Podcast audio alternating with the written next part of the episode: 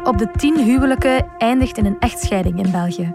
Dat zijn meer dan 21.000 scheidingen per jaar en elk jaar duizenden kinderen van wie het leven daardoor grondig verandert. Ik ga niet meer de band hebben met mijn ouders dan dat ik daarvoor had. Dat heeft alles een beetje kapot gemaakt. Familierechters kunnen de kinderen horen tijdens de echtscheidingsprocedure. Ik had achteraf wel het gevoel dat ik alles had verteld wat ik wilde vertellen. Maar met dat hoorrecht gaat het soms fout. Maar dan bleek achter dat de rechter het eigenlijk niet zo had uh, begrepen gelijk dat ik het had bedoeld. De stem van het kind moet luider klinken, vindt het kinderrechtencommissariaat. Probeer zoveel mogelijk systematisch aan alle kinderen en jongeren die kans te geven om te spreken voor de familierechter. Mijn collega Piet Martens ging praten met jongeren, een familierechter en de kinderrechtencommissaris. Worden kinderen voldoende gehoord? En wat kan er beter met dat spreekrecht voor kinderen? Het is vrijdag, 20 mei. Ik ben Marie Garé en dit is vandaag, de dagelijkse podcast van de Standaard.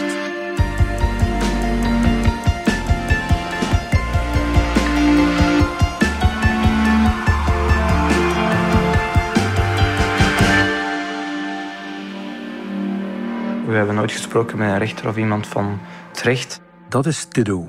En ze zeiden gewoon, jullie gaan nu om de week bij papa en mama wonen. Hij is nu 18. Zijn ouders scheiden toen hij 11 jaar oud was. De achterliggende regeling was, mijn broer werd volledig ingeschreven bij mijn vader. Ik werd volledig ingeschreven bij mijn moeder. Ze wouden niet dat ik mijn broer gescheiden waren. Tiddo en zijn broer groeiden samen op. Gelukkig. Ik en mijn broer waren enorm hecht vroeger. Ja, samen op kamp, samen in de stad gaan, wandelen. In de avond spelen, dan als het wat kouder was, samen in bed. Zo wat broers doen. Mama was verantwoordelijk voor Tiddo, papa voor zijn broer. Elke ouder droeg de last van één kind. Sinds dat eigenlijk ik en mijn broer werden gesplitst, werden wij op twee compleet andere manieren behandeld. De ene broer had het beter dan de andere. Mijn vader had iets meer geld, dat, zo is het nu eenmaal zo. Dus mijn broer ja, kon meer kleren veroorloven, kon meer spelletjes, kon... Ja, zijn rekeningen werden betaald, terwijl ik... Ja, als ik bij mijn moeder was, dan... Ja, maar moest ik altijd vragen achter facturen, moest ik vragen om kleren, omdat mijn kleren waren gescheurd of dat ze niet mooi waren. Mijn moeder hield niet bij wat ik aan toen was op school. Ze was daar niet mee bezig. Maar terwijl ik daar zat met mijn slechte punten, zag ik mijn vader bezig zijn met mijn broer. En niet bezig zijn met mij, want ik was niet de verantwoordelijkheid van mijn vader. Daardoor groeiden de twee broers uit elkaar.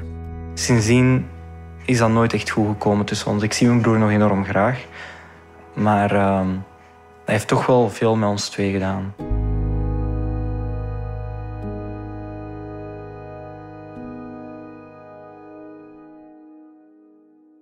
Tiddo werd niet gehoord door de familierechter en dat knaagt vandaag nog steeds. Daardoor wist die rechter niet dat er een probleem was voor een van de broers. Op het moment zelf had ik niet het gevoel van ik moet hiermee naar een rechter stappen. Toen had ik dat niet. Wat ik wel toen had gewild, want natuurlijk er gaan jongeren zijn die iets ouder zijn, die wel denken van oké, hiermee moet ik naar de rechter of naar het recht stappen, zodat ik gehoord kan worden, zodat ik mijn stem kan laten horen. Maar jongere kinderen, zoals ik zei, zijn niet, die denken niet op dezelfde manier. Dus dat, dat zijn zeker de gevallen waar ja, mensen van buitenaf daarop moeten inpikken en zien van is alles in orde. Mijn ouders kwamen overeen en dan dachten ze oké, dat is in orde. De ouders zijn overeen, maar er werd nooit gekeken hoe gaat het met de kinderen. Dat is nooit gebeurd. En dat is wat ik probeer aan te kaarten van uiteraard. Een neutraal persoon in dat geval is exact wat we nodig hebben. Tiddo was nog maar elf jaar, terwijl kinderen pas vanaf hun twaalfde verplicht worden gehoord. Dat de band met zijn broer daardoor nu barsten vertoont, zit wel diep bij Tiddo. Nu ben ik ook heel veel aan het nadenken over vroeger, over hoe dingen anders hadden kunnen gelopen. Er zit nog veel woede in van waarom werd ik niet direct correct behandeld? Waarom zijn dingen zo gelopen? Waarom dachten mijn ouders eerder aan hunzelf dan aan de kinderen? Dat zijn dingen die ik voor de rest van mijn leven ga meedragen. Waar ik niks meer... Ik denk daar niet meer expres aan. Het zit gewoon in mij nu. Ik ben nu bijna 19. Dat is al tegen 7, 8 jaar geleden dat mijn ouders zijn beginnen met die ruzie en alles. Ja, dat is al eigenlijk te laat, emotioneel. Ik ga niet meer de band hebben met mijn ouders dan dat ik daarvoor had. En ja, dat heeft alles een beetje kapot gemaakt. Het is nu een heel nare gedachte dat ik op de begrafenis van een van mijn ouders zijn zitten. denk ik, wou dat ik met hun over dit nog had kunnen praten. Dat wil ik niet per se, maar ja, het is, het is, het is heel ingewikkeld. Het is veel gevoelens en ik, ik wil zeker ik open voor uh, wat er in de toekomst kan gebeuren, maar ik laat het voorlopig zoals het is. Dat had Tido niet mogen overkomen, vindt kinderrechtencommissaris Carolien Vrijens. De familierechter zou alle kinderen moeten uitnodigen, dus ook die jonger dan 12. Zij hebben nu al hoorrecht als ze daar zelf om vragen, maar de rechter gaat daar niet altijd op in. Wij hebben toch in het verleden al heel wat meldingen gekregen op de klachtenlijn van het kinderrechtencommissariaat, waaruit bleek dat, hoewel dat eigenlijk verplicht is wanneer het kind het vraagt, het toch niet gebeurt. Dus dat is toch een vaststelling die we moeten maken. Maar onze vraag, uh, vanuit onze ervaring, ook op onze klachtenlijn, is om dat toch te doen, om toch dat gesprek aan te gaan. Er zijn heel wat kinderen van die leeftijd die eigenlijk heel goed kunnen verwoorden hoe dat zij naar een bepaalde situatie kijken. En daarnaast heb je nog een groep van kinderen die in bemiddeling zitten bijvoorbeeld, of die in een procedure onderlinge toestemming zitten, waarbij de ouders zelf gaan beslissen over dat verblijfsrecht uh, van het kind, over contact en dergelijke, en een kind ook niet door de familierechter gehoord wordt. Wij vinden eigenlijk dat ook in die situaties het toch belangrijk is dat er een toetsing eh, gebeurt door iemand, een onafhankelijke persoon, de familierechter, van de visie van het kind of de jongere in kwestie.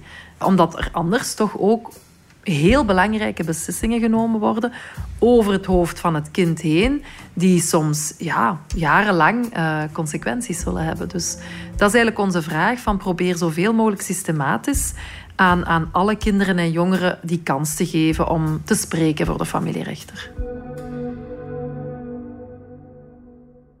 Dat schrijft het Kinderrechtencommissariaat in een nieuw rapport over hoorrecht voor kinderen. Het is het resultaat van een onderzoek bij familierechters en kinderen uit echtscheidingssituaties. De term hoorrecht willen ze trouwens veranderen naar spreekrecht. Dat is ook wel de bedoeling van ons geweest met dit onderzoek, met dit dossier, om nu een keer echt um, vanuit de kinderen zelf te laten vertellen wat ze belangrijk vinden. Maar familierechters hebben hun redenen om niet altijd in te gaan op het hoorrecht van het kind. Dat zegt familierechter Annelies Lorijsens. Wel, ik denk dat wij als familierechters altijd balanceren tussen twee zaken. En dat is ten eerste, ja, het is heel belangrijk om de gevoelens van die kinderen te kennen. En die ken je als je ze hoort. Maar het tweede waar, wij ons toch wel wat zorgen over maken, zijn loyaliteitsconflicten. Wij zien helaas ook dat er heel veel kinderen worden ingezet door ouders als stuk of als bewijs, als getuige in een procedure. En dat is niet de bedoeling. Daar willen wij kinderen ook echt wel voor behoeden. Ik heb het ook gehad hoor, in heel dikke dossiers waar die kinderen al vijf keer gehoord zijn. Waar na een jaar tijd daar opnieuw een procedure wordt, want de kinderen willen een andere regeling. Dan moeten die kinderen nog eens gehoord worden.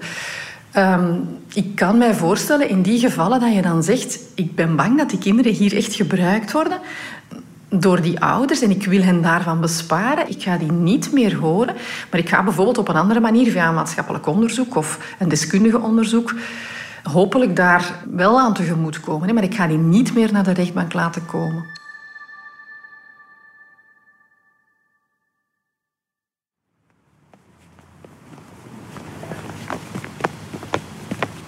Het is een heel hoog gebouw in een honingraadstructuur. We zijn in de familierechtbank van Hasselt. Met uh, allemaal bruine ijzeren gekken voor de ramen. Wat wel een iets bruttere uitzicht geeft dan had je moeten, volgens mij.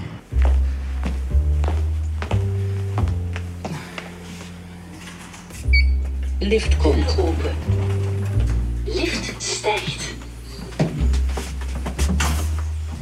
Niet verwacht dat ik me zo meteen terug die elfjarige jongen ging voelen. Het is wel echt nu een terugkeren. Verdieping 2. Deuren open. Jordan is nu 19 jaar, maar hij herinnert zich de dag waarop hij als 11-jarige met de rechter kwam spreken, alsof het gisteren was. Uh, ik weet dat ik uh, ja, heel zenuwachtig was, want het was toen uh, ook al een heel groot gebouw. En ja, ik, ik kende mijn weg hier totaal niet. En ja, het was uh, allemaal zoals altijd gewoon de grote mensen volgen. Die al zoveel jaren, enfin sommigen al zoveel jaren mee aan het uh, gidsen waren door dit proces. En ja, toen was het voor het eerst dat ik effectief mocht meepraten en met die grote mensen. Echt dat ik dat gevoel had dat ik dat ging mogen doen. Dus het was wel indrukwekkend toen. Ja. Jorn was heel zenuwachtig. Daarachter is de wc, dat weet ik ook nog. Dat ik uh, daar ook nog uh, eventjes ben gaan stressen. Omdat die, die wachtstal was het heel rumoerig en zaten allemaal die advocaten. Ook van andere zaken en andere mensen zaten daar ook zenuwachtig te zijn. En dat had toch wel een weerslag op mijn gemoedsrust toen. Jorn kon pas toen hij elf was praten met de familierechter. Hij keek er al lang naar uit. Al sinds zijn vijfde waren er problemen tussen zijn ouders en toen hij tien was, had hij helemaal uitgemaakt hoe hij verder wilde met zijn leven. Ik weet niet meer precies wie mij kwam roepen, maar ik denk dat het de griffier was. Of het was in ieder geval eh, iemand ook in een toga. En die kwam dan mij roepen en mijn, ja, mijn jeugdadvocaat die dan, bij was, pakte mij dan mee. Samen met die, ik weet niet of het meneer of mevrouw was, naar een zaaltje, een klein zaaltje. En dat was dan ja, zo'n klein kamertje met, met uh, een bureautje voor de rechter.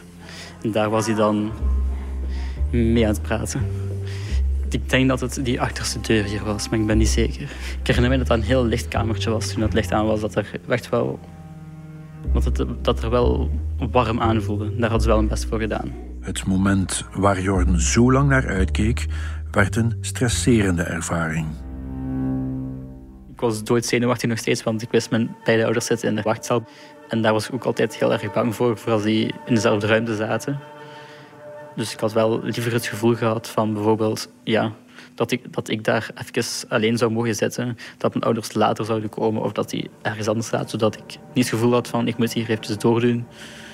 Om ja, te zorgen dat het zo snel mogelijk voorbij is.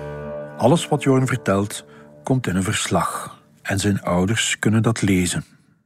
Ik had dan heel veel schrik dat wat ik had verteld door zou geraken tot bij mijn ouders. Wat ook in de procedure wel verplicht is, maar het was wel, uh, maakte het wel een klein beetje moeilijker om effectief voluit te durven spreken. Wat ik nu eigenlijk echt wilde. Familierechters schrijven niet alleen alles op wat een kind zegt, ook de lichaamstaal van het kind wordt genoteerd. Een, een, een, blik, een kind dat, dat constant naar jou kijkt en van het moment dat hij over mama begint, constant naar een andere hoek begint te kijken. Bijvoorbeeld, dat zijn kleine zaken waardoor je denkt, oei, dat is vreemd. Daar moet ik wat meer aandacht aan hebben. Um, dus die lichaamstaal is heel belangrijk, de toon waarop kinderen iets zeggen. Ik heb gelezen dat sommige rechters het doen, anderen niet. Ik doe het altijd.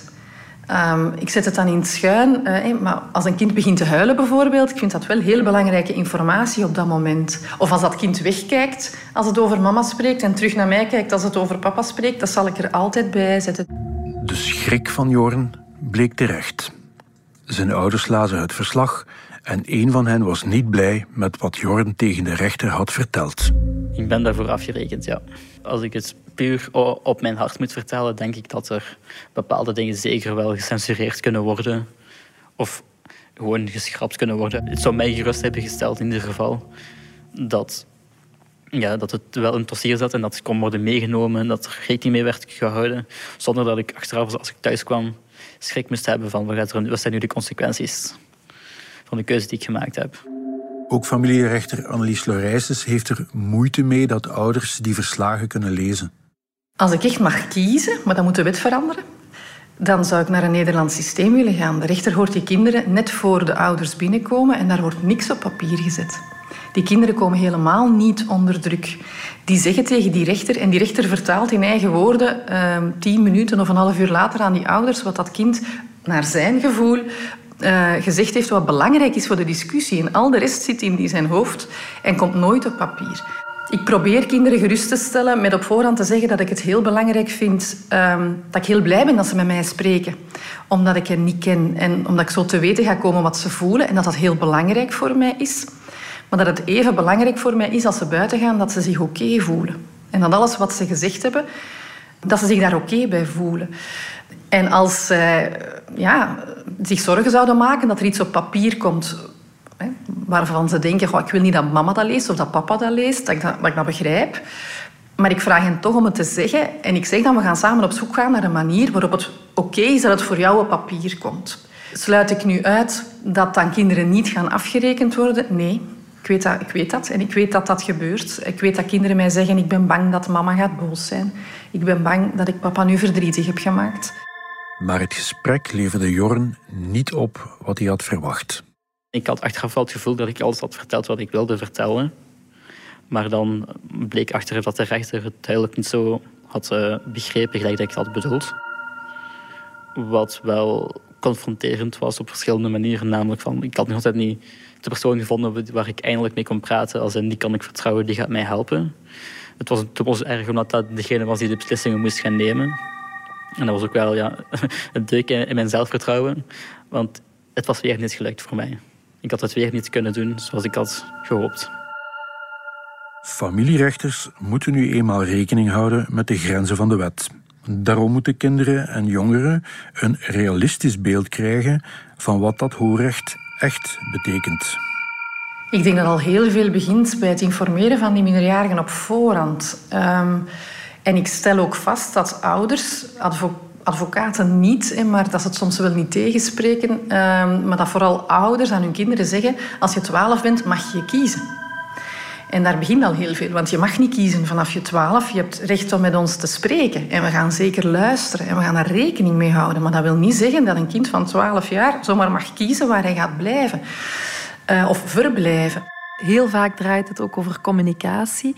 Um, de brief die jongeren eigenlijk ontvangen over dat spreekrecht, die mogelijkheid die ze hebben, de manier waarop dat zal verlopen. Ik denk dat het heel erg belangrijk is dat daar ook meteen al heel heldere informatie op kindermaat in opgenomen wordt, in, op hun niveau eigenlijk.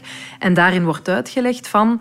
Um, ja, die familierechter gaat niet in dit dossier aan al jouw wensen tegemoet kunnen komen, gaat niet al die problemen kunnen oplossen, maar gaat wel een aantal heel belangrijke beslissingen nemen voor jou en voor het gezin. Wil jou daar heel graag in horen, om ook te horen hoe jij er tegenover staat. Maar dat er ook in de brief wel al wordt meegegeven dat dat natuurlijk geen garantie is dat wat de jongere, het kind of de jongere zou willen, dat ook meteen gevolgd wordt. Ook de plek waar jongeren en kinderen met de rechter spreken is niet helemaal op hun maat. Ik zou ook uh, het lokaaltje waar dat de kinderen gehoord worden ook iets minder rechtbank maken en iets meer gewoon neutraal. Zo nog uh, een stapeltje dossiers op de dingen bij de computer. En dat was zo'n bakje met van alle ja, papierwerken en al die dingen lagen nog gewoon op het bureau van de rechter. En ook gewoon die bureau daartussen maakte het ook wel heel afstandelijk. Ik had liever gehad als er bijvoorbeeld als er een, een lokaaltje was, eventueel met, met, met, een raam, zodat je nog een beetje naar buiten kon kijken, een beetje natuurlijk licht. Gewoon in een zeteltje kon gaan zitten. Dat mevrouw de rechter tegenover je kon gaan zitten, zo schuin, zodat je een beetje kon praten. Eigenlijk zoals eigenlijk de meeste andere jeugddiensten ook werken. Zeker ook gewoon omdat je dat patroon kent. Dat is, dat is vertrouwder. Voor kinderen is ook een toga iets vreemds. En wat is het argument om dat in een zittingszaal aan te doen? Dat je laat zien dat je rechter bent, eh, dat je je onderscheidt van de mensen dat daar zitten, van de advocaten dat daar zitten, maar tegelijkertijd dat men toch ook jouw kledij niet ziet. Dus hoe chic of hoe zoveel gekleed je bent, dat maakt niet uit. Naar kinderen toe zie ik daar geen enkele meerwaarde in. We hebben een bepaalde functie met een bepaalde afstand. Maar ik snap voor kinderen en dat proberen we dan ook in die gesprekken wel te doen, hè, dat we die afstand zo klein mogelijk moeten maken. Het perspectief van kinderen moet meer meegenomen worden in echtscheidingszaken. Dat staat in het rapport van het Kinderrechtencommissariaat. En het hoorrecht moet beter bekend worden. Ik denk vaak dat kinderen en jongeren het gewoon vaak niet weten. Dat het bestaat, dat ze dat recht hebben, dat ze daar beroep op kunnen doen. En ik denk dat dat punt één is, ervoor zorgen dat dat breder bekend is. Ja. Met het rapport trekken ze nu naar de politiek om meer middelen te voorzien. Want ze vragen dat rechters meer en langer kunnen praten met de kinderen en dat kost geld. Wij hoorden eigenlijk vaak dat een kwartier uh, tijd is die daarvoor uitgetrokken wordt. Maar natuurlijk, een kwartier is onmiddellijk om. Hè? Terwijl het wel echt vaak gaat over heel fundamentele zaken in het leven van een kind, waar ja, dat heeft vaak implicaties voor de volgende jaren, die beslissing die op dat moment genomen wordt. Ik kan mij voorstellen dat er kinderen zijn die, die ja, vrij snel hun mening kunnen geven, die daar al goed over nagedacht hebben. Maar we vinden een kwartier toch wel erg weinig. Ja, dus wij vragen toch om, om meer tijd te voorzien, meer tijd uit te trekken. Ik kan alleen voor Antwerpen spreken. Wij horen al kinderen zonder griffier. Uh, in tegenstelling tot veel andere collega's, omdat die middelen er dus niet zijn. Ik vrees dat op dit moment, als, als er niks verandert, dat dat voor ons niet mogelijk is. Wij horen soms acht kinderen op een namiddag. Dat is veel. Um, vooral omdat dat altijd heavy uh, boodschappen zijn. Hè. Dat is niet iets wat je even parkeert.